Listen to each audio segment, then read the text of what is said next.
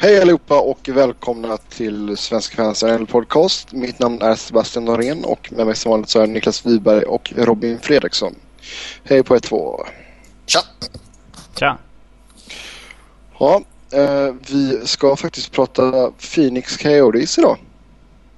Mm, det är ju någon som har tjatat så in i helvetes mycket. Eh, Robin har tjatat, jag förstår det. Eh, Ja, han verkligen eh, brinner för Phoenix. Ja.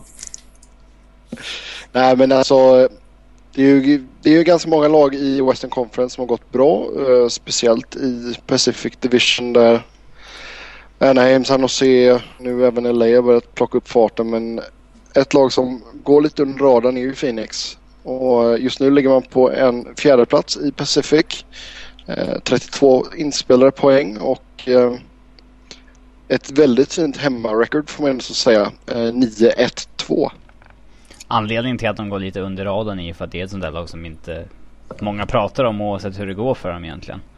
Men eh, alltså 14-5-4 är ju ett respektabelt record men det säger en del om West när de ligger åtta i West liksom med, med det. Ja. Med Ja, det. alltså tittar man på... eh, på eh, alltså de hade ju legat etta i East.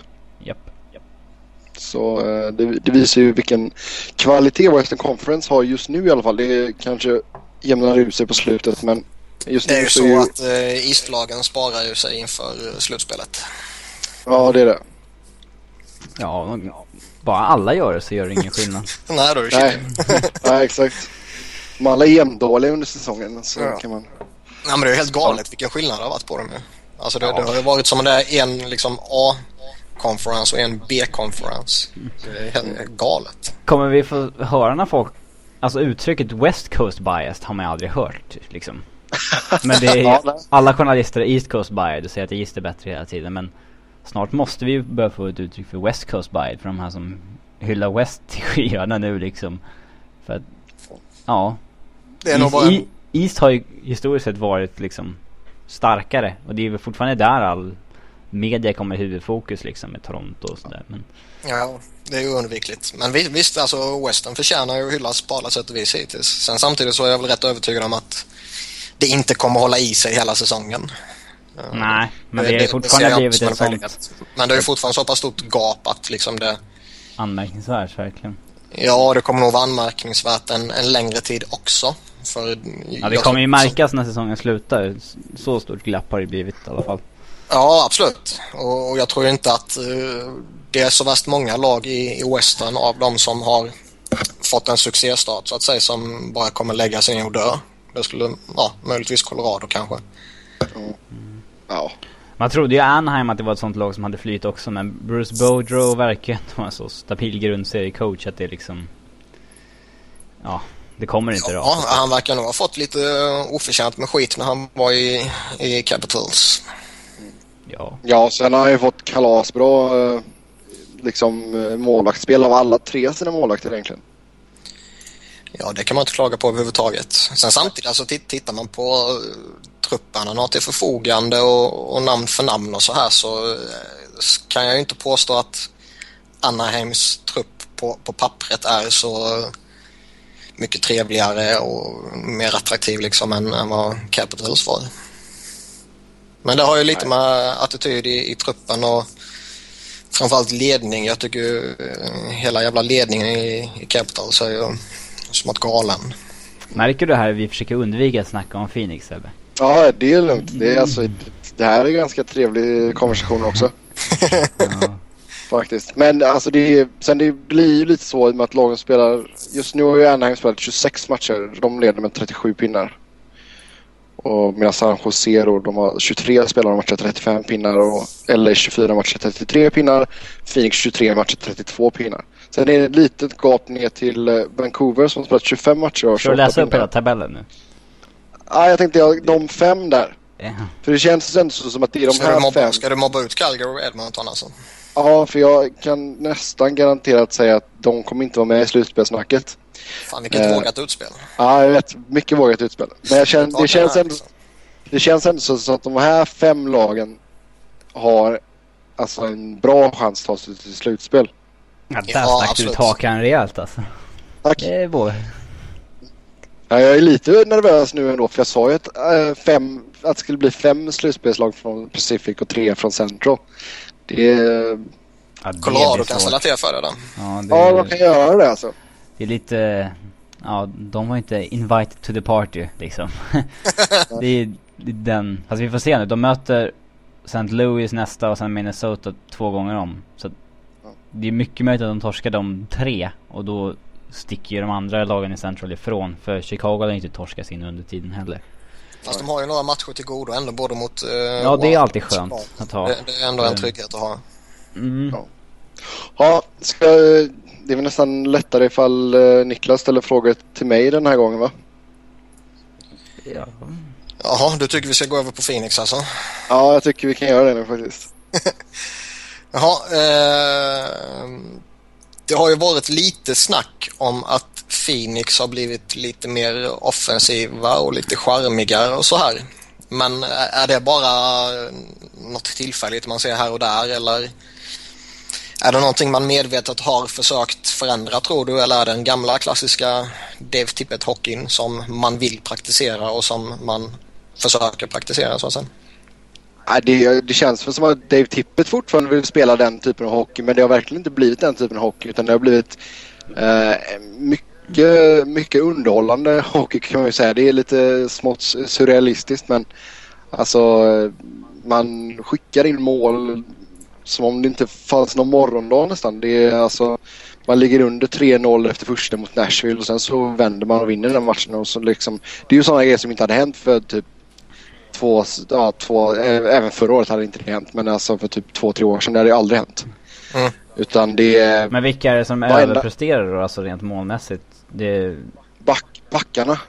Alltså de har ju producerat enormt mycket poäng. och Ma- Michael Eh, Stone från kommer back- inte fortsätta göra mål på var fjärde skott. Nej, nej absolut inte. Han har haft ett par, ett par stycken som har varit lite flyt. Jag menar det mot Var, Varla, Varlamov skulle inte gått in till exempel. Och Derek Morris Eh, kommer nej. inte nå de, de siffrorna. Alltså han är ju on pace för att nå de siffrorna han hade när han spelade i Avs för 10 år sedan. Han gjorde 50 poäng liksom. Ja, alltså men grejen med Derek Morris är att han, han ser ju ut som en eh, som den spelaren ungefär. Alltså det är vissa i hans kontraktsår och sådär så det, det hjälper ju säkert lite men eh, han har tydligen så har han bytt klubba nu också eller bytt tillbaka till någon klubb. Jag vet fan vad det är men det är någonting han har bytt klubban i alla fall. Det verkar ha funkat ganska bra. Sen uh, Keith Yandel är som vanligt hyfsat bra och sen och Oliver Ekman Larsson går ju framåt också. Så, Shane, eh, Shane Doan är ju en jävla monsterform ju. Han inledde Ja, ja, halv, halvdant gick liksom 10 matcher och 3 poäng eller någonting. Nu pissar han in mål ju. Ja, han har varit väldigt effektiv i powerplay. Eh, Jag tror han har väl sex, sex eller sju mål i powerplay. Mm. Ehm, så det är, det är bra för dem att, det, att, att Doan har kommit igång. Men jag menar, det är fortfarande... Alltså, man hade ganska stora förväntningar på Butker inför den här säsongen. Eh, speciellt då när han skulle få lira med Ribeiro. Men uh, Butker har ju fortfarande inte riktigt fått igång målproduktionen som man hade hoppats på. Det är ju faktiskt en annan fråga vi har, så det var en smidig övergång du gjorde. Eh, frågan lyder då till ingens förvåning suger Mikael Böttger. Ja, jag vet inte vem det är som har skrivit frågorna. Men, men vad, vad är det för fel med honom? Nej, Alltså jag tror i grunden så är han inte en sniper. Jag tror att det är där problemet ligger. Det är, det är en kille som jobbar extremt hårt. Han Hårt. skapar en hel del. Ja men hå- hårt jobbande liksom. Hårt. Vad? Som vi Hårt. säger i Göteborg. Ja. Nej men alltså han, han, är ju järnet hela tiden och han är bra i hörnorna och gräva fram puck och sådana grejer. Och han, han har blivit bättre på att bryta in framför mål. Förut så gjorde han ju inte det överhuvudtaget nästan. Så, eh, men det, det är en, bara sista liksom att ha den här liksom klassfinishen på att avsluta liksom. Det, det, jag vet inte om det är någonting man kan lära sig egentligen. Inte om han är dansk. Mm, nej alltså. Han får väl helt enkelt alltså. Har man inte den här att man är, har en riktig elit sniper skillsen då får man väl börja spela på ett sätt där man genererar mycket fler skott istället. Eh, Ja, Ja, men det- eller gör det- de smutsiga målen, ger sig in framför nät och börjar gräva och hålla på Ja, liksom. men alltså se på Mm. Ovechkin, alltså kollar man på hur många procent av skotten som Michael Bödker si- sätter i jämförelse med Alexander Ovechkin så är de ganska lika. Bara att Ovechkin skjuter lite mer skott. Det är ganska Ja. rejält jävla mycket mer skott. Och det, Jo, men det, det är ju det som är grejen också. Han måste ju ta fler han skott. snittar Alltså, kanske det ett skott oftast- per match så det är inte okej. Nej, utan det, det blir att han ofta letar en passen istället för att ta skottet. Han spelar topp 6 hela säsongen. Jag vill säga att han har varit nere i tredje någon enstaka match. Mm. Men det har varit topp 6 för det mesta, det har det. Och då är det antingen uh, Hansal eller Ribeiro han spelar med eller? Ja, det har blivit mycket med, med Ribeiro. Uh, lite med Hansal. Uh, eh, sen har ju även Vermette gått upp och spelat lite eh, andra center också. Uh, det är ju en kille som vi kan lyfta fram senare när vi ska snacka om någon som är dålis. Men absolut, Micke Böcker borde göra bättre ifrån sig. Hur mycket powerplay spelar han? Liksom, kan det vara där som han bara är dålig och liksom okej i fem mot fem så att säga? Ja, alltså han har ju fått lira en del på PP. Men eh, det är ju inte han som tar avsluten i PP. Det är ju, då är det oftast Shane Doan eller Jandal eller Ekman Larsson. Mm. Så det är... Jag vet inte riktigt hur man ska lösa det hela faktiskt. För det känns inte som en kille som är tillräckligt målfarlig för att spela topp 6. Du tror inte det är någon sån här som man skulle kunna tänka sig offra i en trade för att kunna spetsa till ja, framförallt offensiven ytterligare? För det känns så kan man kan man offra han och man kanske kan offra någon av Alltså de har ändå rätt många unga backar som någon av dem borde man kanske kunna offra. Um, Ja, det, det är väl mycket möjligt. Alltså sen, han fick ju ett tvåårskontrakt nu och inte är helt, ute och cyklar. Och medan han, ja, han ville ju väl, de ville väl egentligen ha ett fyra års eller fem års tror jag. Ehm, men ehm, jag vet inte, det, det är svårt alltså. Det, det är väl en kille som skulle kunna, det beror ju lite på också vad det skulle vara för typ av paket. jo, Jag vet, jag, jag vet inte om jättemånga klubbar är jättesugna på bara åh, Böttger vill vi ha. För men han har bara gjort fyra mål på 23 matcher. Nej, det känns snarare som en där kille som är mer intressant för Phoenix än för något annat lag. Att det är Mm. kanske någon man har råd att hålla mod med. Nej, ja, men, och sen det är ju en kille som alltså... Han är ju uppskattad av laget ändå. Det är en kille som är, verkar vara bra i omklädningsrummet och allt sånt där. Um, lite mer framåt än vad svenskarna är. När det kommer till media och sådana grejer. Um, så jag vet faktiskt inte hur man ska lösa det. Man hade ju nog förväntat sig att han skulle ligga på åtminstone 10, 10 mål vid det här laget i alla fall. Det hade varit ganska... Då hade han varit on pace för 35-40 mål. Det hade varit ganska stort. Fast man vet samtidigt alltså det, det är lätt Jo, att göra alltså- många mål tidigt på säsongen för att sen Ja. svalna av. Det, det ser man ju väldigt ofta ju. Mm. Mm. Eh, och jag menar lu- luras lite av eh, vilken on pace man är på så att säga efter en 20-25 matcher. Du, du tror inte att Alexander Sten kommer över 70 baljor i år? Jag tror han kommer upp, jag tror han gör ett mål per match. Ja. Nej men alltså om man tittar på för ett lag som ändå har gjort 78 mål på 23 matcher liksom. Så hade man nog ändå så velat ha lite mer av honom. Mm. Ja, mer än fyra mål i alla fall. Ja. Japp. Nästa Alltså- fråga. Ja, en sån som Mike Smith. Han har ju 3,02 i goal against average. Men eh, det är kanske lite högt så han har ändå godkända 91,2 i räddningsprocent. Ehm, hur har han sett ut?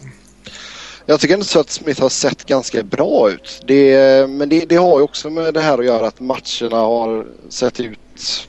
Alltså att det har blivit väldigt o-Phoenix typiska resultat. Alltså 6-4 och du vet sådana grejer. Mm. Ehm, sen, eh, sen släppte han ju in sjukt mycket mål i början där. Alltså de två första matcherna under roadtrippen så blev det ju att han fick släppa typ nio baljor eller vad det nu var. Så eh, Nej, alltså goal against average eh, håller jag med om. Det är lite väl högt. Men spelmässigt sett så tycker jag ändå så att han ser bra ut och skillnaden är väl att även när Smith inte har en toppenkväll så är laget tillräckligt vassa offensivt nu för att man ändå ska kunna vinna matcher. Alltså det man kan utläsa framförallt är ju att Phoenix släpper till mycket fler skott i år. Och som är, mm. ser man ju på dem, den statistiken. Ja absolut och det, det är någonting som jag vet att man har jobbat på nu med att försöka få ner skotten och det tycker jag man har lyckats hyfsat bra med. Man lyckades bra i de två första perioderna mot Colorado. Uh, sen uh, lyckades ju ditt Avalanche vinna den matchen ändå men uh, det, det är någonting som man fortsätter att jobba på absolut. Då har en sån som Thomas Greis varit som backup. Han har ändå gjort en handfull matcher. Han kunde inte ens stå i Brynäs nej, jag, nej, alltså jag, jag, alltså inför säsongen, jag var inte alls high på Gais och jag har sett honom spela i Brynäs och jag tyckte han var helt värdelös. Han verkade inte vilja vara det. Det var nästan som att de hade skickat dit honom för att han skulle... Ja. ja, det är klart att han inte ville vara i Brynäs. Vem fan vill vara i Brynäs? Men om man kollar på Phoenix antal eh, antal skott de har släppt till per match så snittar de exakt 35 stycken. Och det känns ju extremt högt för Dave Tippett-lag. Eh, det är liksom Exakt. Det är fjärde högst i NHL efter uh, ja. Ottawa, Buffalo och Toronto. Nej, jag håller med dig. Det är alldeles för högt. Speciellt för tippet och det är liksom på vissa presskonferenser efter matcherna. Du vet, han har ju varit... Han har ju skrattat. Han bara det här är så jävla bedrövligt men vi vinner ju fortfarande. Mm. Nästan som det är det... typ som att spelarna gör revolt mot den hockeyn han vill spela och kör, kör på sitt eget stuk och visar att det fungerar ändå. Typ. Ja, men nästan alltså. Det är, samtidigt så säger alla att det är liksom, vi ska spela vårat spel, som de kallar det då, det här det, liksom defensiva tänket. Men det är... Ingen som vill. nej, det verkar inte slå så jätteväl ut. Men alltså, så, det är svårt att klaga när man fortsätter att spela soppa, när man fortsätter att vinna matcher. Förstår du vad jag menar? Ja, det är det som är det viktiga. Jag menar, tippet hade säkert hellre vunnit matcher med 3-1 och 2-1 och sådär. Men eh, det är, det är extremt publik, det är underhållande att se och så just det här att, att, i flera matcher så har vi sett dem ligga under med två baljor inför tredje eller det har ju varit liksom vissa, jag tror det var mot eh, Washington så låg man under med två baljor och fem minuter kvar och så vänder man på steken och vinner liksom. Så det du säger är att man är medvetet dåliga defensivt då så att säga för att locka publik? Nej, det, man kan behöva göra vad fan allt man kan för att locka publik men alltså det, det har varit extremt underhållande att se på. Och det, det känns inte som att det är någon match där de har varit eh, speciellt på hemmais där man har liksom varit borträknade. Mm. Det skulle vara senaste matchen i så fall. Men eh, man har alltid känt bara publiken känns ändå som att de bara vi kan komma tillbaka från detta. Var en sån som Oliver Ekman Larsson, eh, är han bara väldigt överhypad av framförallt svenskar eller är han på riktigt så att säga? Nej, jag tycker absolut att han är på riktigt och det, det var, nu glömde jag vilken match det var de hade som gick här på, eh, på NBC. Det kan ha varit matchen mot St. Louis eller Chicago. Eh, jag kommer inte ihåg. I alla fall. De hade ju en match då som var på liksom primetime, NBC, eh, liksom nationell tv och sådär. Och alltså även där så öste de beröm över, över Ekman Larsson. Det, det, man, man glömmer lätt av att han bara är 22 år gammal liksom.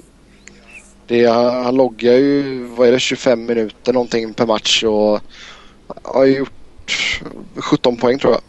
Mm. Så det är ju absolut inte dåligt. Det är, det är, det är, en, kille, det är en kille som kommer fortsätta bli bättre och bättre dessutom. Ta inte illa upp men det är fan tråkigt att han spelar i Phoenix. Det hade varit eh, ja, roligare att se honom på en big market är, någonstans. Det går ju lite... Det går ju lite alltså, snack. Folk säger liksom att skulle han spela till ett riktigt lag, om man säger riktigt inom situationstecken då givetvis. Så... Säg riktigt. Skulle han, skulle han vunnit Norris liksom. Jo, men jag tror att han hade han spelat för ett lag som var en större hockeymarknad, alltså som får mer medialt utrymme här borta. Han spelat Toronto liksom, han var mest ja, upphypade backen i alltså, NHL då. Ja, och skulle han ju krossats under den tyngden. Ja. ja, han verkar ja, kanske en personlighet som passar bra i Phoenix när det gäller att lyckas. Det kanske är så. Jag tror att spelmässigt sett så skulle han kunna spela vad fan som helst och göra det hur bra som helst. Däremot så tror jag att han trivs med att kunna gå ut på stan här och inte bli eh, liksom överfallen av folk. Som han hade blivit i typ Toronto. Mm. Framförallt så har han ju inte så, alltså. Han blir ju liksom inte huggen eh, om han eh, liksom jag har en, ett par kassamatcher på samma sätt. Nej absolut inte. Samtidigt så har inte han den som, jag tycker att den som har mest utrymme i Phoenix för att liksom göra misstag det är Keith Yandel. Ja. Ja. Det är alltså en kille som Kass. Alltså det var, ju, det, det var ju hans fel. Det var ju hans fel att Colorado fick det powerplayet i, i övertid Mm, när han gör en han sån tappar pucken kalas. på blå va och så Tapp- tvingas tapp- han slasha. Ja, tappar och, pucken. ja. Ja. Riktig sån idiotvarning verkligen på det playet. Men alltså det är, men det är en kille som kommer undan med mycket mer. Har Oliver lite, lite halvknackigt så här, då, då får han höra det liksom. Ju- Just Keith Yandel är ju nästa punkt vi har och han var ändå väldigt mycket eh, hypad tidigare och må- många nämnde honom som kommande storback och allt sånt här. Var, varför får han inte de rubrikerna längre? Folk insett att han Därför inte är tror- så jävla bra nu för tiden. Alltså, Alltså jag tycker fortfarande han är bra, en bra offensiv back men han saknar ju folk fortfarande har insett mer vad han är. Han är inte den här blivande Norrisbacken utan han är mer den här blivande, eller inte blivande, han är den här backen som kan göra massa powerplay-mål men i övrigt inte, alltså powerplay-poäng och offensivt sådär men han är inte den backen som, ja alltså du, ja, kan luta dig mot. Nej men och grejen är den han är inte så pass bra eller extremt bra offensivt som Erik Karlsson är. Erik Karlsson, alltså han är ju så bra offensivt så att det, det är ju som att spela med en till forward nästan. Alltså han pissar ju in poäng. Järndel är, Järndel är inte riktigt i den klassen utan han är liksom i liksom B-sektionen av den spelartypen. S- och sen folk har ju vant sig här ute i alla fall med att han, han gör mycket mål framåt och sådär men han gör lite misstag och det så det, det, det har väl planat ut lite hypen om man säger så. Sen är han fortfarande väldigt uppskattad av fansen här. Det är så, skulle man ranka spelarna liksom i, i storhet just nu i alla fall så är det ju Shane Doan är ju nummer ett. Det, det kan man ju förstå. Han är ju kapten och har varit där hela tiden sedan flytten från Winnipeg och sådär. Sen är det Mike Smith som är extremt uppskattad och sen är det Järndel och Ekman Larsson. Mm. Är det, vi var väl inne på det lite till, eller vi, du nämnde det lite tidigare. Finns det någon doldis som du skulle vilja lyfta fram som kanske inte är den som, som får de största rubrikerna? Man kanske inte skulle kalla han Ja, för det- doldis men Martin Hansal är ju helt klart en av de mest underskattade spelarna i NHL. Alltså sett till vad han tjänar liksom och vad för roller han kan ta och sånt där. Tycker jag i alla fall. Absolut, absolut. Jag tycker Hansel är sjukt bra spelare. Det är, det är lite synd bara att han är lite för skadebenägen och tar lite för många onödiga utvisningar i offensiv zon. Men alltså dåligt måste jag ändå säga Antoine Vermette. Han har, han har spelat sjukt bra den här säsongen. Det är verkligen breakout för honom. Det han, han spelar i alla situationer och gör ett kalasjobb hela tiden. Mm. Någon annan? Eh, ja, alltså Michael Stone har ju, han har ju gjort sju mål då. Det är ju bra. Av en back. Bra, det är galet. det är helt okej. Nej men alltså det är, han har ett, han har ett jäkligt bra skott. Han har ett tungt skott och han har en tendens att träffa mål hyfsat ofta och eh, sen är det klart att han inte kommer hålla upp den här målproduktionen men Nej. det, det är ju en kille som folk har fått upp ögonen för nu också liksom. Så det, det är ju kul för Jobbigt honom. för David Rundblad. Ja absolut. Alltså David har fått spela lite här nu också. Det, det, Det skulle det vara han som har målen, inte Stone liksom. Exakt, speciellt med tanke på vilken fin försäsong eh, Rundblad hade också. Eh, Då låg han ju före Stone i Pekingorden så att säga. Men sen gjorde han ju ett par bottennapp och så eh, fick han ju sitta på läktaren ganska länge. Och sen har han kommit tillbaka och spelat nu eh, ett gäng matcher och gjort det helt okej Jag ändå. undrar vad Maloney Eh, säger om man det- ringer och frågar om Rundblad liksom, priset på honom. Är de liksom villiga att släppa honom? eh, Alltså alla är ju villiga att släppa alla till rätt pris såklart men Är det sådär att något annat lag skulle kunna få honom för ett andra rundsval eller någonting så skulle jag nog alla fall överväga det om jag var något lag som var i stort behov av en powerplayback som man verkligen kunde satsa på liksom. Ja det är ju det. Alltså, han måste det ju ju få 30-40 matcher liksom, spela in sig, få förtroende och det här att han ska ligga på med liksom short leash hela tiden. Det, det verkar inte hålla riktigt. Nej, och det är, det är ju där problemet ligger också i och med att man har åtta backar med envägskontrakt som alla är NHL-dugliga liksom. Det är nu, nu får han ju spela lite för nu har det varit lite skador. Mihalek är skadad nu till exempel. Eh, jag tycker att den backen som ligger närmst till att ryka dock av de åtta det är ju Schle David Schle eh, Schlemko. Schlemko. Ja. Är han något attraktivt för andra lag då? Nej, det är det jag inte riktigt vet och frågan är ifall man liksom bite the bullet som man säger och liksom tar ett liksom kanske tredje rundsval eller fjärde rundsval eller någon AHL-spelare i utbyte för honom liksom. Mm. Det, för jag, jag tycker ändå så David är tillräckligt bra och jag tycker han har funkat helt okej med, han har spelat med, med Klessla nu eh, de, de senaste matcherna och jag tycker de två funkar bra ihop. Eh, sen är ju frågan också då liksom när Mihalle kommer tillbaka, ja, men då är det ju egentligen liksom det är ju Ekman Larsson med Halleck som är första backparet. Sen Morris, Jandal, andra. Och sen så är det ju då en kamp mellan egentligen då Stone och Rundblad. De är som ska lira med Klessla i tredje. Finns det något eh, av de här större namnen som du skulle vilja hänga ut? Jag tycker väl att Radim Verbata... Jag hade väl... Alltså han spelar ju okej nu men jag tycker ändå så han borde... Det känns som att han...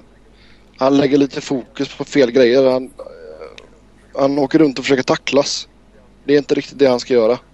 han kan ju inte det. Utan, nej, nej men alltså helt seriöst. Det är en så en kille som gjorde 35 mål för inte allt för länge sedan. När han inte ens gjorde mål mot Avs Och- då förstod man att han inte var i, i form. För han, han kallar sig Ja. för en Avs killer. I och med att han alltid, alltid, alltid Ja. gör mål mot Avs. Han har gjort alltså- 18 poäng på 21 matcher. Ja, jag Men han har bara det, gjort alltså, 6 det- poäng. Det, eller 6 mål, förlåt. Det, han kanske skulle ha gjort något, något mål till så att säga. Ja exakt, det är, liksom, det är svårt. Ser man bara på poängen så 18 på 21 så det är ju helt klart godkänt. Alltså han är Men eh, on det pace skulle- för 25 det mål hade så det är inte jätteilla men uh, snackar kanske spelmässigt också. Men jag, man hade ju hellre sett att det var omvänt, att det var 12 mål och 6 assist. När man tänker på Verbata, han är ju den som ska vara snipern liksom. Mm. Eh, annars så, eh, ja, var något större. Twitterkungen tycker- alltså- Miss Nasty, vad säger han? Ah, alltså Bisnäs, han har gjort eh, fyra assist. Det, är- det är faktiskt helt klart Kar- kar- godkänt. karriärsbästa typ. Ja, han är on pace för karriärsbästa. Det, är- det är han ju. Eh. Men alltså, jag tycker, det är ju svårt att säga att det är ett av de större namnen, men jag tycker, alltså Lore Korpikoski tycker jag inte alls har varit tillräckligt bra. Det är en sån kille som skrev nytt kontrakt och fick ganska bra betalt och eh, jag tycker han har varit ganska halvsunkig sen han har varit skadad lite och sådär men det är, det är en kille som borde producera mycket, mycket mer speciellt med tanke på att han oftast då lirar i en kedja med Hansal och Verbata. Mm. Har du något annat du vill yttra om Phoenix eller känner du dig nöjd så vi ska gå vidare? Eh, nej, jag kan väl bara tillägga det att det, man märker att alla verkligen eh, med nytt ägarskap så känns det inte så som att de har de kan koncent- äntligen koncentrera sig på hockeyn liksom. Och det, man, nu har man ingen Ny trygghet i hela organisationen. Ja. Ja, exakt, ny trygghet och ägarna har verkligen alltså, visat framfötterna och de är... Och det är ju åtminstone ett par stycken av dem på varje match och det är, man har börjat köra tailgating nu för, på helgerna och det är, det är en positiv känsla i laget och det, det tror jag är väldigt viktigt faktiskt för att man ska kunna få någon framgång på isen. Jo, det är klart. Så det, det var det hela om, eh, om Phoenix. Nu eh, så ska vi ta lite svensk koll för det är alltid uppskattat. Och eh, vi ska dra några kategorier här och vi börjar med största överraskningen och Robin du får inleda detta. Niklas ville då. Ja, men Ja. överraskningen är väl eh, Alexander Stens eh, mål, målform. Ja. Ja, form överhuvudtaget. Det, det, kän, det känns väl som att man eh, egentligen inte kan säga något annat än Alex Sten. Nej, jag håller med dig. Även om, om liksom när, man när man snackar så här så tycker jag ju personligen alltid det är skoj att kanske lyfta fram någon annan än den självklara liksom. Men, men här känns det som att det är så jävla galet så det, det vore oförskämt att, att nämna någon som någon annan än Alex Sten liksom. Han har gjort ja, så- jävla mål på 22 matcher. Ja, det är ju det som är grejen. Visst, Alexander Sten är ju ett liksom hyfsat stort namn. Men det är ju inte så att man tänker Alexander Sten. Ja, ja, måltjuven Alexander Sten. Nej, han har ju varit mer eller mindre Utan man- dålig på att göra mål tidigare år. Han har ju inte... Ja, Ja, man har ju tur under för 20 mål redan. Nu har han redan fått Ja. i stort sett. Han är På kontraktsår. Jo, jo, men det är, det, som är, det är ju det som är lite roligt att det nämns ju nästan aldrig. Nej, nej, jag har twittrat ut det några gånger. Det är jätteskoj att aldrig... Alltså tänk om det skulle varit eh, Det är med. en ryss. Då jävlar skulle det tuggats. Nej, men jag tycker det är... Det är ju, alltså framförallt så tycker jag det är jäkligt kul för det svenska OS-laget att Sten visar upp den här fina produktionen och kan han hålla i den här formen i OS. Det kan bli riktigt ruggigt då. Ja, alltså sätta ihop han och Z i en eh, shutdown-kedja, då eh, det kan bli snuskigt Landeskog, effektivt. Zäta och Stin. Det blir nog en... en Mm. ja, jag, jag ska inte säga det. hade väl varit den naturliga shutdown-kedjan att köra men jag vet inte vad Mårts har för tankar. Ja, Det kan nog bli helt det kan olika. vara nog Jimmy Eriksson, Ja. Joel Lundqvist och Sten också. Vi får se. Ja. Nej men sen alltså. Jag tycker ändå som Marcus Johansson har gjort ett jäkla jobb i Washington också. Jag, jag, jag gillar inte honom. Jo det tycker jag. Ja. Nej nej men du hur, kanske hur många gratis honom men assist är han, det på Ovechkins jävla supermål då? ja, men han ligger ändå så sjua i poängligan av svenskarna. Jag, jag tycker att hans eh, Ja. poäng eh, kanske ljuger lite. Ja. Sen, här, sen är det samtidigt, jag, jag gillar inte heller Mark, eh, eller Marcus Johansson men eh, han, han, han, är lite... Han är märklig. Jag, jag tycker han är... Man imponeras av honom utan att han är bra på något sätt. Alltså när man ser honom spela. Nu har inte jag sett honom supermycket just denna säsongen men om man tittar tillbaka också så... Det är en svår spelare att sätta fingret på. Tittar man sen annars generellt och liksom svenskar som har överraskat så... Nu är ju Sten så jävla solklar som sagt för det finns väl egentligen ingen som hotar honom men även om man tittar på de andra så känns det inte som det är någon sån där eh, visst det skulle vara Jonas Gustafsson i Detroit kanske men i övrigt så är det väl ingen sån där som man känner Nej, få, att få man får en riktig ja ingen riktig sån här aha-upplevelse. Nej, inga som har breakat ut ordentligt heller. Det är väl...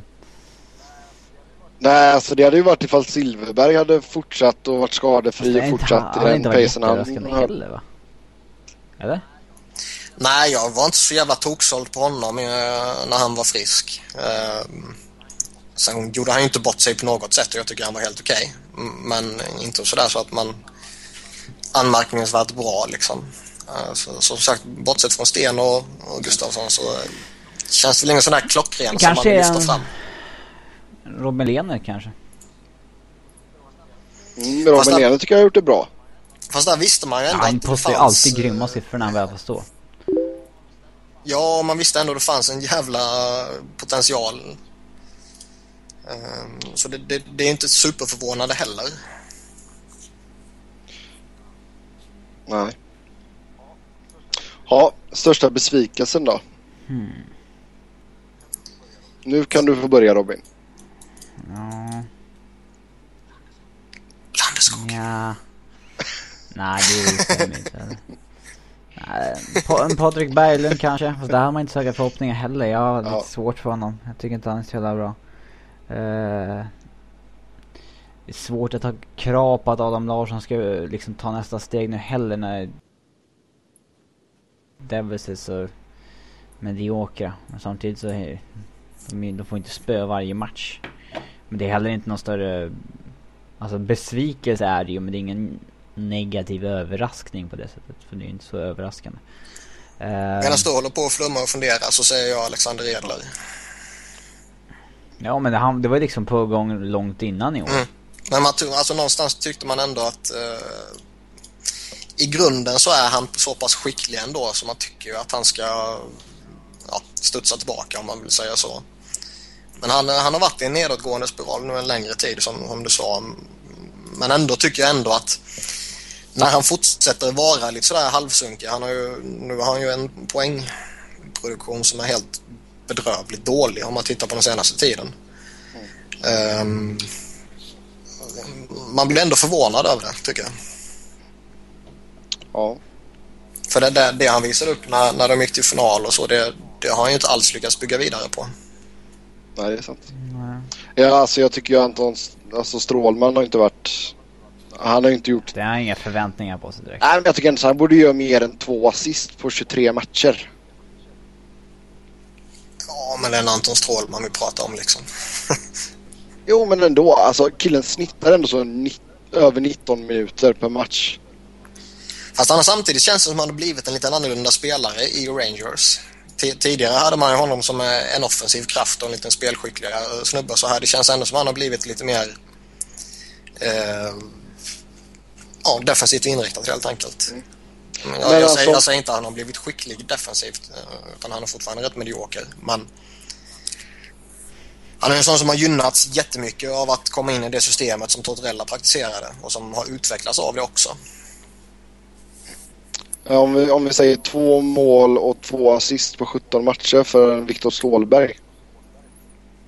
Ja det är lite, han har varit lite besviken för han trodde man ju skulle passa in ganska bra i Nashville. Trodde jag i alla fall.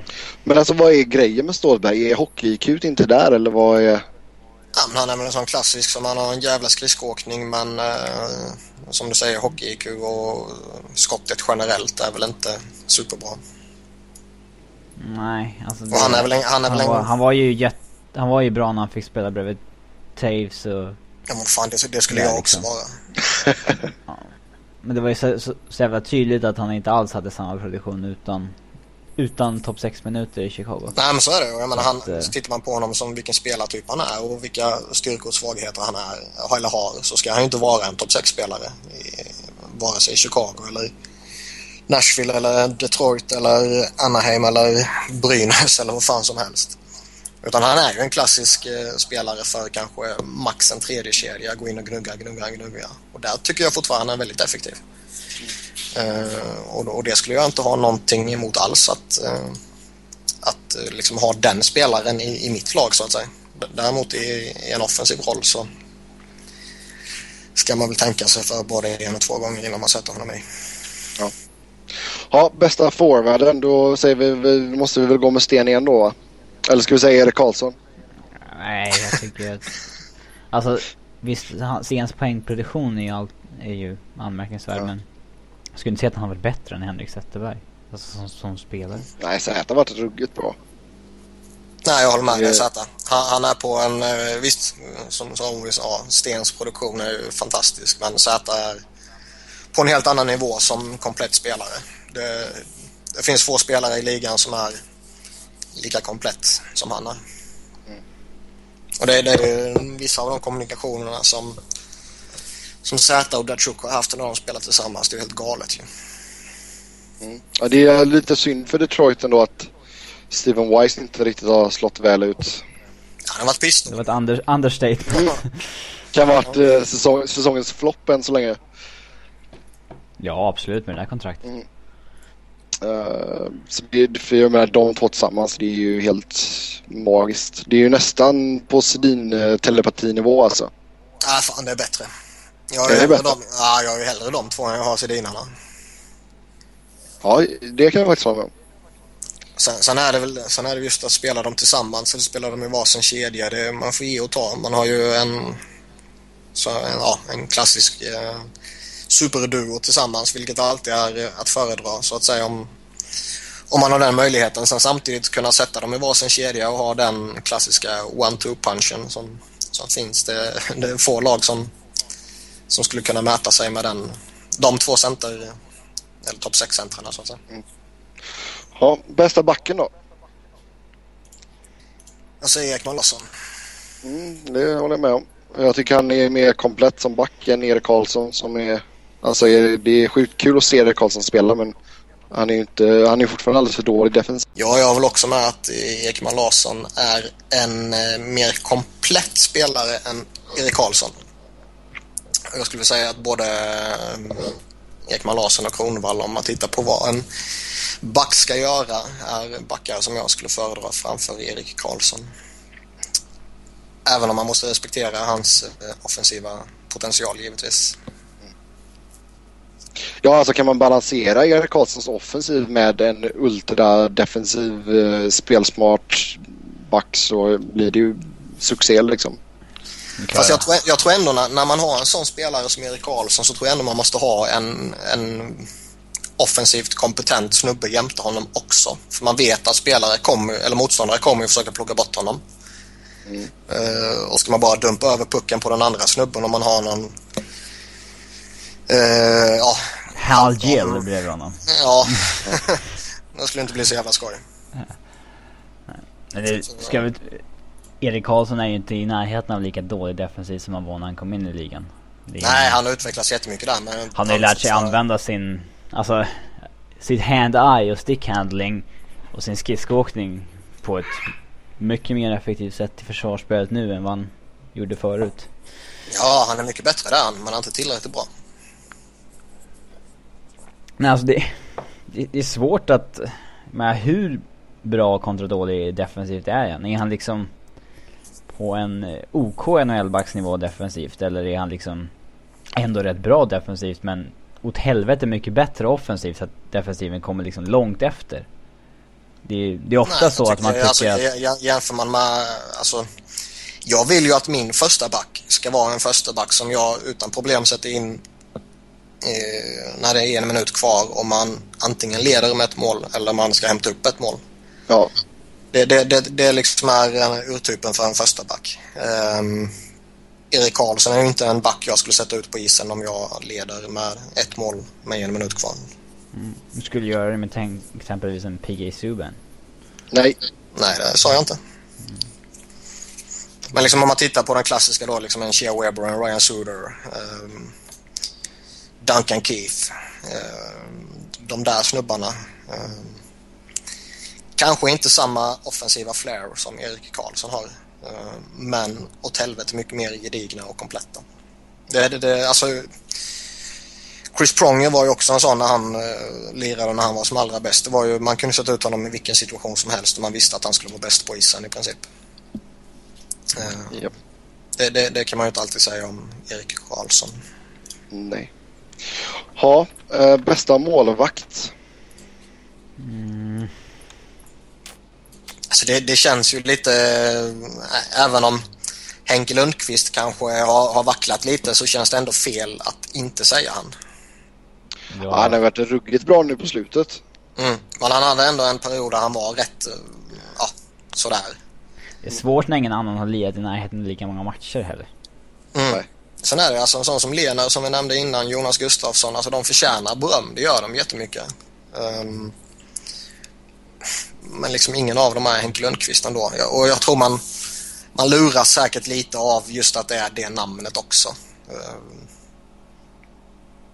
det är liksom som när Foppa spelade så var han bästa forwarden. Liksom. Och när Lidström spelade så var han bästa backen. Um, så man luras nog lite av det namnet även om prestationerna kanske har varit lite upp och ner för några veckor sedan. Liksom. Men vem av de andra målvakterna tror ni kommer att kunna ta steget och bli nästa liksom, svenska stormålvakt? Är det Lener? Ja, skulle jag säga. Det var ju en tid där typ Lener och Markström låg så här, ja, jämnt. Nu tycker jag Lener har sprungit ifrån ganska rejält. Uh. Jag ser väl inget alternativ till, förutom Lener. Alltså Jonas Gustafsson kommer ju inte få någon sån här superutveckling. Eddie Leck kommer ju inte få det. Viktor Fast, eh, även om han har varit fantastisk så känns det inte som att han eh, det, direkt kommer utvecklas supermycket liksom. Jävligt svårt med målvakter. Det är ju många som kommer in i ligan när de är typ 25-26 odraftade och för att målvakter utvecklas så mycket senare än utespelare. Mm. Så att, eh, jag menar Hasek hade inte gjort debut i NHL när han var i Eddie Lecks ålder. Och, Nej. Tim Thomas hade definitivt inte gjort det. det... Så det du säger är att Edelec kommer bli nya Dominik Hasek? Ja. Ja. Bästa rookien då? Hur många rookies har vi? Ja, det är väl inte sådär Nej, överdrivet många. många. Det är, Men jag skulle men det är säga... Hampus Lindholm. han, ja, det, Han är den enda som gått in och tagit en, eh, han är den enda som gått in och tagit en, liksom en ordinarie roll då. Alltså på riktigt är en spelare laget behöver ha. Elias Lindholm får ju spela för att han är Elias Lindholm. Filip Forsberg får spela då och då för att han är Filip Forsberg. Hampus Lindholm har ändå gått in och tagit den här platsen ungefär på samma sätt som Jonas Brodin gjorde i, i Minnesota i fjol. Nej, jag ser han som Yes. självskriven. Det är, Ja. Även om det är flera av dem som har gjort det bra så... Ändå dålig det- konkurrens faktiskt. Det är Lindholm Mm. liksom. Han är den enda Mm. som gått in ordinarie. ja exakt. Det skulle vara typ, vilka är det mer som har lirat hyfsat med matcher? Ekholm typ. Alltså Mattias Ekholm har ju inte varit dålig egentligen men... Han är inte anmärkningsvärd på något sätt. Nej, alltså Hampus Lindholm reagerar man ändå över på ett positivt sätt då. eh, När man ser honom spela. Sen är det ju en annan grej att Hampus Lindholm är född 94 och Mattias Ekholm är 90. Jo, givetvis. Lite överraskande då att Alex Alexander Urbom har fått så pass mycket speltid ändå. Räknas han fortfarande som rookie? Mm. Vad fan. Fast de är lite märkliga där i Capitals. Alltså när de matchar sina backar. De verkar vara toksålda på att de ska ha tre vänsterfattare och tre högerfattare. Och de skickar ju sina spelare upp och ner och fram och tillbaka och hur som helst och fan så det är nog svårt att få något grepp på hur fan de tänker där ibland. Ja, sen är det väl ja, Johan Larsson har fått spela 17 matcher också i Buffalo. Ja, Nej, övrigt så har vi ingen Buffalo, det räknas ju inte. Nej, en, en, en poäng. En assist har han lyckats med. Nej, vi har ingen annan rookie-konkurrens helt enkelt. Ha, är, är det någon dold, eh, någon doldis? Finns det några svenska doldisar som vi kan lyfta fram? det känns väl som att det är samma sak som det. med Samma sak som med överraskning grej kanske. Det är väl Mm. bara e- Sten egentligen som... Jag skulle väl ändå säga en sån som uh, Söderberg. Alltså Söderberg och Kryger har gjort lite mer poäng än man kanske förväntat sig. Mm. Det är, I övrigt så kollar man igenom listan på alla som spelar och tycker jag det är ingen som sticker ut poängmässigt i alla fall. Men nu har man inte, jag sett tillräckligt av de här liksom. Jag har inte sett Ja Hagelin tillräckligt i Rangers för att veta om han har stuckit ut på det sättet eller inte. Alltså Men, eh, Hagelin, Hagelin har ju inte så, jag tycker han har spelat bra sen han kom tillbaka från sin skada och sådär. Men sen vet inte jag hur, hur mycket doldis är han hemma. Ja, alltså egentligen är det väl ingen svensk som är doldis på det sättet. Uh, visst det skulle vara en Jocke Andersson typ kanske i, i Detroit. Men, men sen samtidigt alltså de, de här lite mindre etablerade känns det ändå som ja, Carl Söderberg, eh, Kryger, ja de, de två känns ändå rätt rimligt att, att nämna tycker jag. Men jag tycker Söderberg har gjort det bra ändå. Jag tycker den eh, tredje kedjan är, det är en ganska bra kedja ändå för Boston. Ja, han är ute bra. Alltså, det jag har sett så har han ändå fått en, eh, en, en hyggligt stor roll ändå. Och, och han spelar ju, jag tror det är strax under kvarten per match eh, i snitt. Så det är ändå någonting han ska vara nöjd med och han har ju fått spela i, offensiva situationer och till och med gjort lite eh, vackra prestationer också. ju. Det är ju så att en del andra i Boston har inte riktigt levererat den poängskörden de kanske förväntat sig ha gjort så att de har ju ja det blir lite beroende av depth scoring från sån som Kalle Söderberg. Så Ja, det var ju lite, det var ju verkligen oturligt att Eriksson fick den eh, hjärnskakningen där också. Ja, så han hade varit rätt medioker innan det också. Alltså det var ju efter det han hade varit bra egentligen. Du tror att det hjälpte? Nej men det man kan ju inte säga att det tydligt skadade honom på det viset. Det var ju efter den som han kom igång. När han gjorde, vad var det? Sju poäng på sex matcher. Mm. Och sen är det något större namn som vi ska klaga lite på. Det är alltså, Robin var väl inne på honom lite innan men Patrik Berglund. Ja. Ehm, det var ju, var det inte något hockey-VM när han var så jävla bra för några år sedan? Han, var typ Han gjorde 2000 typ, eh, han gjorde typ nio mål på tio matcher eller något. Ja, 2010 eller något sånt där liksom.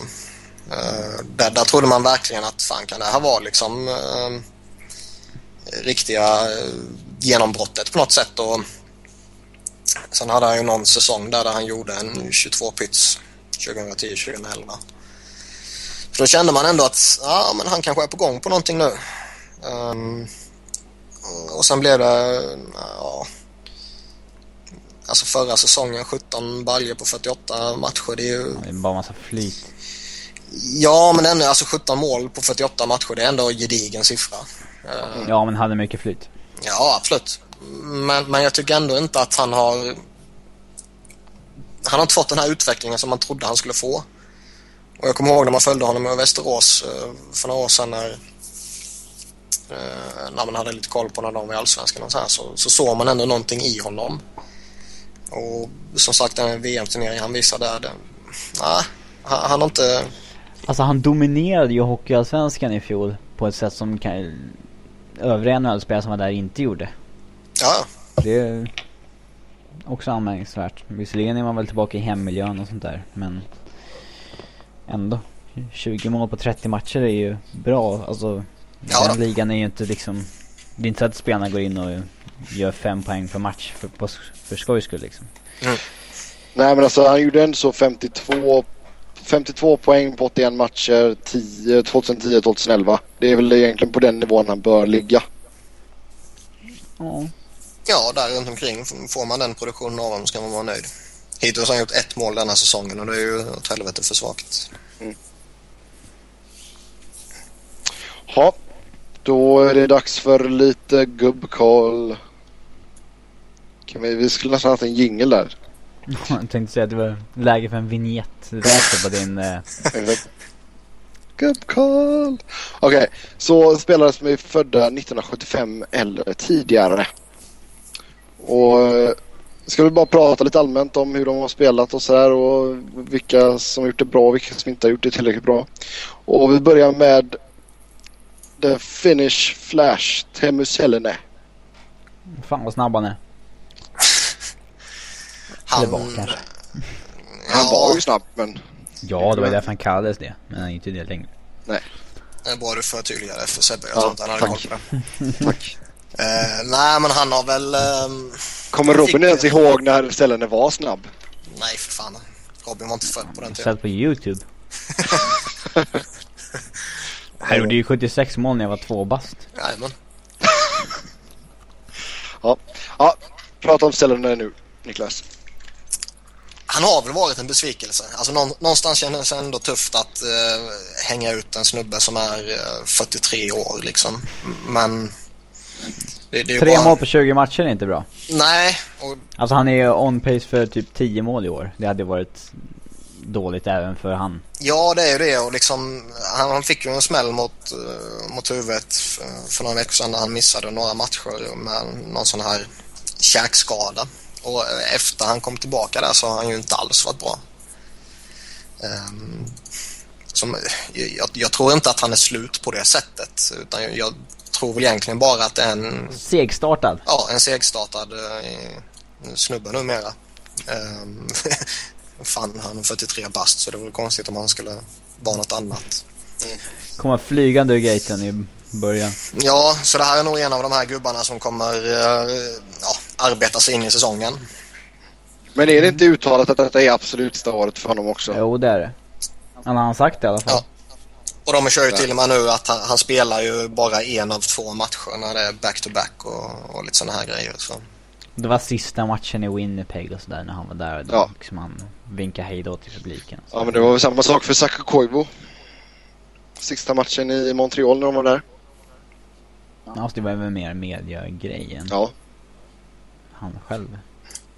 Ja. ja men det känns väl både, vi kan, vi kan ta Sakakoiva här direkt efter cellen tycker jag. Det är väl också en kille som spelar på sista versen. Ja. Jag tror väl fortfarande att han skulle kunna köra ett år till kanske. Um, frågan är om han får en så stor roll om han spelar ett år till som han kanske vill ha så att säga. Mm. Eh, däremot ser jag väl honom som, skulle han vilja ta en roll som fjärde center i ett lag så ja, då ser inte jag några problem med att lira honom. Eh, Nej. Allt handlar om pris. Ja, exakt. Pris och redo att ta rollen. Skulle Sellenen vara villig att signa ett kontrakt på under miljonen i något lag nästa år så skulle man ju göra det bara för en PR-grej liksom. Ja, så är det säkert. En annan PR-stark spelare är ju Jaromir Jagr. Mm. Han har nog ökat sitt värde rejält inför trading deadline här om några månader. Om han kan hålla upp det här. Men sen samtidigt, alltså jag har svårt att se en, egentligen New Jersey dumpa spelare framåt deadline. De måste ju få in ett första runds draftval igen. Ja, ja, jag håller med dig till 100 procent. Jag, jag, Alltså ty- om jag de ligger här, men det tror jag inte att de kommer göra. nej, men jag, Tror jag tror kommer- även att, alltså säg att de ligger eh, några poäng utanför slutspel. Jag, jag tror det kommer krävas ett, ett väldigt stort avstånd eh, utanför slutspel. eh, för, för att man ska göra det. Se om Loophole Lou kan hitta något nytt loophole som gör att han kan skicka dem när de är klara istället, efter deadline. Det skulle ju vara han som skulle hitta någon sån. Man kan, man kan alltid skeppa ut spelare på draften och sånt där liksom. Det, sen är ju samtidigt frågan, har, har de någon vem vill signa Jagr efter slutspel? Nej, men jag menar de har ju andra spelare. Men, men sen samtidigt, liksom, vi- vilken av deras spelare skulle ge ett bra utbyte i en trade? Mm. Det är väldigt få. Det finns några som skulle kunna vara attraktiva framåt deadline. Det är ju en Martin Brodeur. Det ska vi inte hymla med. Men sen samtidigt, det ska nog mycket till om man skeppar ut honom. Det är nog många som kan tänka sig upp en, ge upp en första rundare för Jagr i år med tanke på att det är en upp, alltså alla säger att det är en mycket svagare draft i år än det var i fjol. Ja, han kostar bara två miljoner. Ja, det är många som kan, alla kan ju finna under capen i stort sett då. Och det, ja. Det sägs ju inte vara någon vidare första runda i år i alla fall. Absolut inte de sista valen där. Så att det, det är nog många som kan tänka sig det. Eh, även Jagr, känner- har han sagt att detta är sista året i NHL? Nej. Nej, jag tror till och Han med han har sagt att pratat det- att han kan spela ännu mer. Ja, alltså inför den här säsongen så gick jag in och sa typ så här. Det kan, alltså Att det kan vara acce- äh, att, det, att han kanske får acceptera att det här är hans sista år. Ja, liksom. okej. Typ att kanske ingen vill ha honom efter, längre efter det här. Mm. Men eh, senast hade han väl något citat om att han kommer spela tills, ja, benen inte bär honom längre i stort sett. Det, det är väl coolt när, ja, när spelare kör på det sättet. Ja. Och det var väl, han har också sagt att han ska, ja, först då ska han ju flytta hem och spela i Tjeckien. Ja, okej.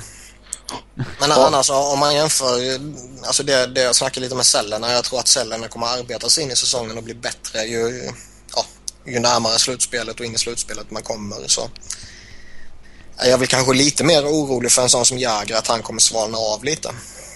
För han har ju haft en helt galen jävla inledning och ska han spela 82 matcher och sen 25 slutspelsmatcher på det så snubben är ändå 40 bast alltså, eller 41 till och med. Fast det var ändå en av de spelare som spelade flest matcher förra året. Ja absolut, men han är ett år äldre nu också. Ja. Sen har han rätt gynnsam spelstil, det får man inte glömma heller. Men som sagt, det, det, det är en som jag tror det, det finns risk att han svalnar av då. Framförallt när många matcher, eh, kroppen börjar slitas. Vi vet att Jagr tidigare haft problem med ljumskar och så här. Så. Ett varningens finger ska väl höjas, även om han har haft en helt fantastisk inledning. Ja. Någon som inte har haft en eh, helt fantastisk inledning det är Ray Whitney i Dallas. Det har blivit ett mål och sju assist på 17 matcher. Mm, det känns kanske som att Phoenix eh, inte släppte honom, för det gjorde de ju inte. De ville ha kvar honom, men att de tappade honom i rätt tid. Istället för att de betalade upp massa... Ja. För de hade nog varit villiga att ge honom det där kontraktet som Dallas gav honom ifall pengarna hade varit tillgängliga just då. Ja, alltså grejen var ju att han ville ha ett tvåårskontrakt och Phoenix var bara villiga att ge honom ett år. Och det... Ja, alltså i fjol så höll han väl okej nivå. I år verkar han ha Dippat. tappat av. Ja. Sen är det väl det också, alltså det, spela i Dallas är nog inte så jättelätt om du inte spelar med Jamie Zeiger! Zeiger. Michael och Jamie Seguin och Jamie Benn, ja precis. Alltså ska han gå in, jag vet inte exakt vem som, eller vilka som han spelar med nu, men alltså gå in och spela med en Horkoff eller Eric Cole som ser mer eller mindre helt slut ut, eller Vernon Fiddler eller eh, ja, Rick Peverly eller någon sån här. Det, ja. Ja, just nu har han spelat med Cody Aiken och Alex Chaison. Mm. Det är väl den eh, omgivningen jag skulle ge honom också. Ja, men sen samtidigt så känns ju inte han som någon som går in och bär två unga snubbar nu. Nej. Nej, kanske inte. Mm. Uh, ska vi se. Sen har vi Daniel Alfredsson. Ja, jag får väl säga det jag sa sist. Jag tycker att hans eh, poängsnitt Djurgården, jag tycker att han sett rätt trött ut. Men eh, ja, får väl Wiberg säga det han sa sist också. Vad sa jag sist? Han, att han kanske sparar Ja, sig just lite. det. Ja, eller- eller- sparlaga. Ja, alltså li- lite samma resonemang som Sällan där. Att jag, jag tror väl också det här är en snubbe som eh, ju längre säsongen går desto bättre kommer han se ut. Sen tror jag inte han kommer gå in och vara någon frälsare för dem på det sättet men han känns som någon som eh, omedvetet ska man väl tillägga eh, kanske tar det lite lite chill och kanske istället för att ge 100% nu så kanske man bara hamnar på 90-95 och då kan man se lite sunkig ut. Även om han fortfarande är så pass skicklig så att poängen kommer trilla in. Ja, sen har vi Gonchar i Dallas. Även han. Har inte vi snackat om de här spelarna redan? Jo, Ja, några- när vi pratade haft några som, som signade i somras och trade och lite sånt här. Gonchar ser väl Aha. rätt uh, slut ut. Jag sa att han såg rätt slut ut och du sa att det är viktigt att han kan, kanske är ryss och är nära Valrien Ja, i Torski. det är där de tjänar mest på att ha honom. Det är en dyr eh, lekkamrat, eller vad ska man säga, livscoach där. Fem miljoner om året. Det är ju tolk. Ja, det är- nej men det är ju en kille som inte Det märks att han är 39. Ja. Sen har vi Sami Salo i Tampa Bay. Ja, och det känns väl som att även om han, eh, jag inte kan säga att han har varit dålig på det sättet så eh, har du Sami Salo i ditt lag så har du han av en anledning, eller två kanske man ska säga. Dels om du har någon ung finländare som du måste skola in, alla Gonchar. Ehm, eller så har du det för att han ska panga skott efter skott efter skott efter skott efter skott och få någon utdelning på det. Och hittills har han gjort eh, ett mål och fyra assist på 20 matcher och gick ju och blev skadad i samband med Stamkos. Eh, gick sönder också. Ja. Så jag, jag, tycker väl inte han har varit dålig på det sättet men samtidigt så känns det lite som att eh, ja ja mm, han är halvdan helt enkelt. Halvdan. Ja. Todd- Sen tror jag fortfarande han är viktig för dem. Mm. Men eh, inte så att man bör gråta eh, allt för många tårar över att han skulle kunna bli långtidsskadad eller att man släpper honom till sommaren och sånt här liksom. ja, sen har vi Todd Bertuzzi i eh, Detroit. Jag tycker han eh, ser ungefär likadan ut som han har gjort tre, fyra senaste åren. Han har, hänger ändå med hyfsat. Ja. Faktiskt. Men Ja, är- nej, han, han- han vet vad han är bra på numera och han utnyttjar det rätt effektivt. Som, som Robin var inne på så hänger han väl med rätt, eh, rätt vettigt ändå. har till och med fått vara straffskytt för Detroit. Ja, det, Ja, det har han alltid varit. det är fan absurt. Det är, det är inte första namnet man tänker på när man tänker straffskytte. Nej, inte i Detroit i alla fall. Nej. Sen har vi eh, Niklas största man crush, eller en av hans största man crushes. Eh, Kimmo Timonen. The Timonator. Har väl inte riktigt sett ut som The Timonator va? Jo, mot senaste tiden har han gjort det. Um, sen var han ju värdelös i början. Det, Han och många andra i Flyers. ja, verkligen. Och jag, jag tror ju att eh, det måste varit någonting fel på sommarträningen. Och jag vet inte hur det funkar faktiskt, om det är så att spelarna har allt ansvar själva eller om eh, organisationen och lag och coacher och så här säger att det här måste du träna på, det här måste du göra och ni måste vara bla bla bla liksom. Jag för att de får väl in- individuella träningsscheman av coach, eh, coaching Ja, alltså det, det måste ju vara så ju. Och det, Ja. För det, det känns som att i princip hela laget kom ju, eh, jag ska inte säga ur form, men jag skrev en krönika häromdagen där, liksom, i fel form så att säga. Ja. där det kändes som att väldigt många av dem hade tränat stenhårt för att bygga på sig muskler och liksom bli starka och, och, och kraftiga på det sättet. Eh, därför allt kanske en sån som Luke Chen är det tydligaste exemplet på det. Men där då skridskoåkningen har blivit jättelidande. Inte bara på han utan på hela laget. Hur mycket har han lagt på sig? Ja, jag vet inte om han har lagt på sig så mycket men man kan ju man kan fortfarande väga lite mycket, lika mycket bara det man har omfamnat ja, vikten så att säga. Ja, exakt. Uh, så där vet jag inte det är någon skillnad men, men, man märkte ju tydligt på att uh, i princip hela laget var ju sämre skridskoåkare när de kom in i training camp. Så no någonting med, med sommarträningen måste det ha varit som har varit åt helvete ju. Och det har man märkt en tydlig förbättring sen Craig Brewer tog över och uh, han körde ju stenhårt med dem några veckor och nu har man ju gått vad är det 7-1-2 de senaste tio matcherna. Det är ju en helt okej. Okay.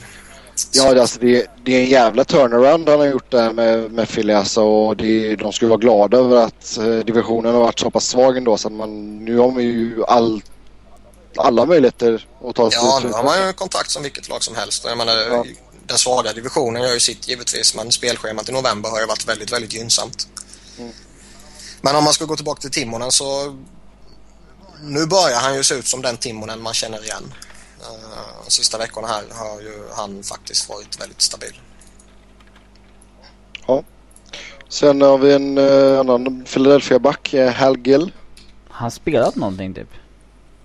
Ja, han gjorde några matcher när um, de var förbannade på Lucian och han satt på läktaren. Och så gjorde Hal Gill tre eller fyra matcher sådär kanske.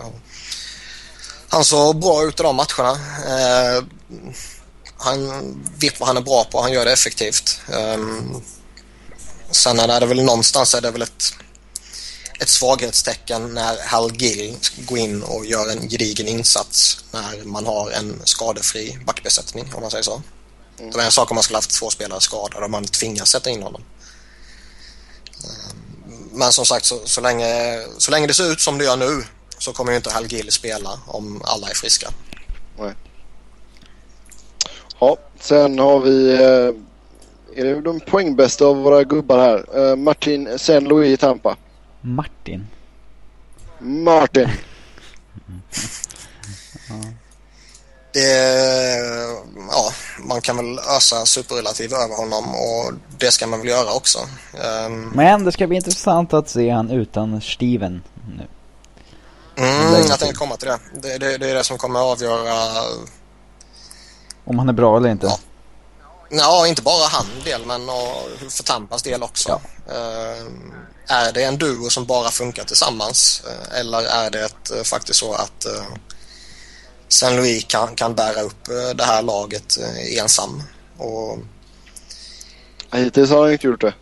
Nej, de har ju tappat rätt mycket när Stamkos försvann och det är ju fullt naturligt att det blir så. Alltså det fan plocka bort världens bästa spelare, eller en av världens bästa spelare och en av världens bästa målskyttar så är det klart att det kommer påverka vilket lag som helst och det blir nog att man får en, en lite chock i början. Sen gäller det Absolut. att och så fort som möjligt kunna övervinna den där eh, lilla negativa spiralen som man hamnar i och där är ju Martin Saint Louis en av nyckelspelarna. Ja, men han ser fortfarande oförskämt pigg ut för att vara 38 bast.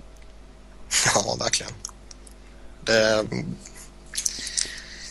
Nej, jag vet inte vad man ska säga. Det, det, det enda intressanta det är väl om, om han väl går in i väggen så att säga. Kommer det vara en... Förfallet komma väldigt, väldigt fort eller kommer det vara väldigt, väldigt utdraget? Det, och, ja, ja, det känns som det kan bli precis hur som helst. Ja, sen har vi eh, Francis Bouillon. Bouillon. I Mon Bouljongen i Montreal. Ja. Uh, ja. Jag har knappt sett Montreal, jag kan inte säga någonting. Alltså vi kan ju dra lite enkla stats. Alltså det är 23 matcher, eh, två assist, minus 10. Mm. Uh, snittar 17 drygt 17,5 minut per match.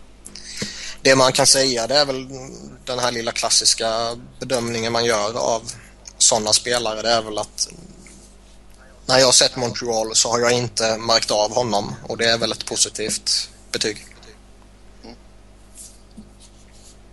Men ändå minus 10. Det kan vara missvisande. Alltså plus minus det kan vara... Det får, ja, det får man ta lite så. Det, det kan ju vara att han, fan, han har fått spela med Douglas Murray eller någonting och då tror fan han släppa in mål ju. Ja, men alltså, Ja, då- ofta så är det ju de bästa backarna som har tyngst plus minus liksom. Alltså tyngst, mest minus. Så det, Markov är plus 10. ja, men det finns väldigt många grymma... Subban är plus 7.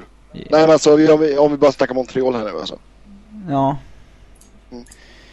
Men det finns många bra jävla backar som har minus för att de spelar de tuffaste minuterna. Men tror du att eh, Buljong, eh, Buljongen spelar de tuffaste minuterna för Montreal?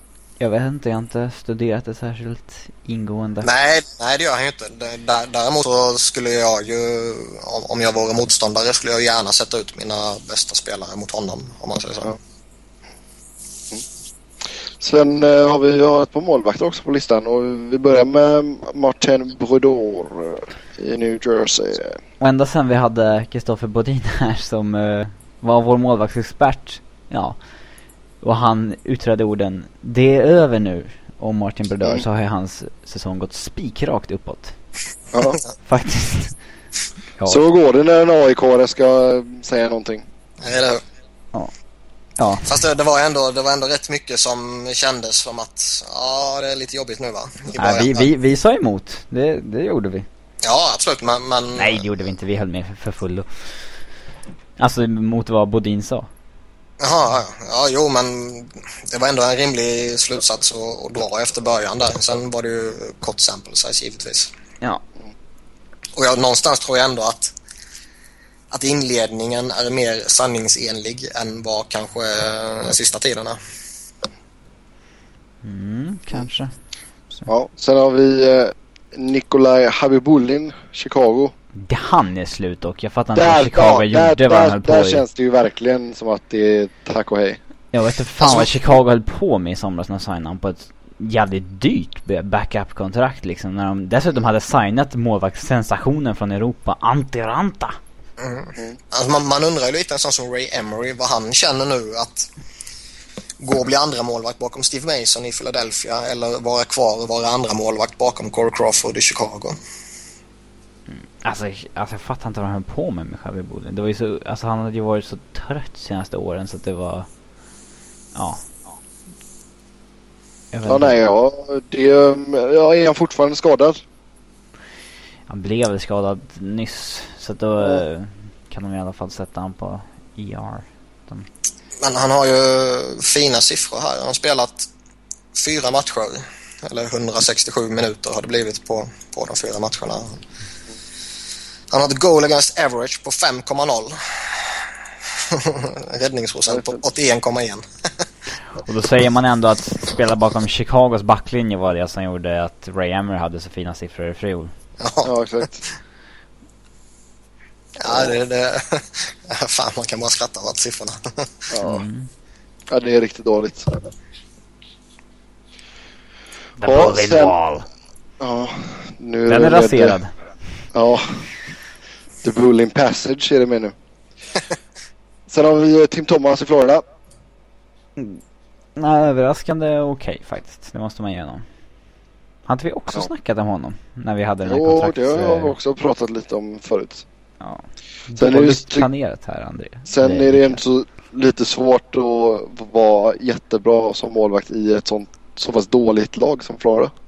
Ja, det är just därför han ändå kommer undan med lite cred. Han är ändå närmare 91-procentig och sådär. Och det hade jag inte förväntat mig faktiskt. Nej. Sen vår sista målvakt det är Evgenij Nabakov. Nabokov. Eller är det Nabokov? Eh, Nabikev. Det känns väl också som att han är inne och surrar nu på sista omgången. Ja, det är nog sista versen för Nabi. Det såg man väl redan tendenser till i fjol. Mm. Och eh, har väl blivit ännu tydligare i år. Eh, där siffrorna inte är... i- Alltså ens för att vara i Islanders inte alls är så smickrande. Nej, de är inte alls godkända samtidigt så känns ju inte Kevin eh, Pion som eh, räddningen heller direkt. Nej, den målvaktstrien de har använt i Nabokov och Polon och eh, Anders Nilsson är väl ingenting som... Det måste vara NHLs sämsta. Kanske Ja. det enda laget i NHL som faktiskt söker efter en målvakt just nu. Mm. Hallå Ryan Miller. Mm, Ja, men hallå Jonas Hiller kanske, eller? Ja, Jag snackade ju faktiskt eh, Miller med Buffalo i samband med Vanek-traden. Vanek, Ja, men det, det hade ju varit fel. Alltså det... Sen samtidigt tror jag Mill- Miller kommer nog eh, vänta in i det sista för att eh, kunna komma till en, en riktig utmanare.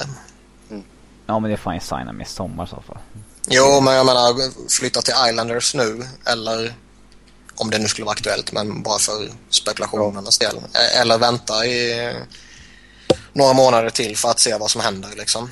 Eh, jag- skulle hellre spela kvar i, Buffalo i, i två månader till och sen kunna gå till en contender. Än sen gått, sen, sen gått till San Jose. Ja, typ. Ja, nej, vi får se. Islanders behöver ju fixa sin målvaktssituation på något sätt i alla fall. Eh, då tackar vi för oss för den här veckan. Som vanligt så kan ni köta hockey med oss på Twitter. Mig hittar ni på @sebnoren. Niklas hittar ni på Niklas Wiberg, Niklas med och enkel V. Och Robin hittar ni på R underscore Fredriksson. Så eh, skriv gärna i kommentarsfältet om ni, det är någonting ni vill att vi ska ta upp. Eller någonting ni tycker är bra eller någonting ni tycker är dåligt. Vi läser allt. Ha det gott tills nästa vecka. Ciao!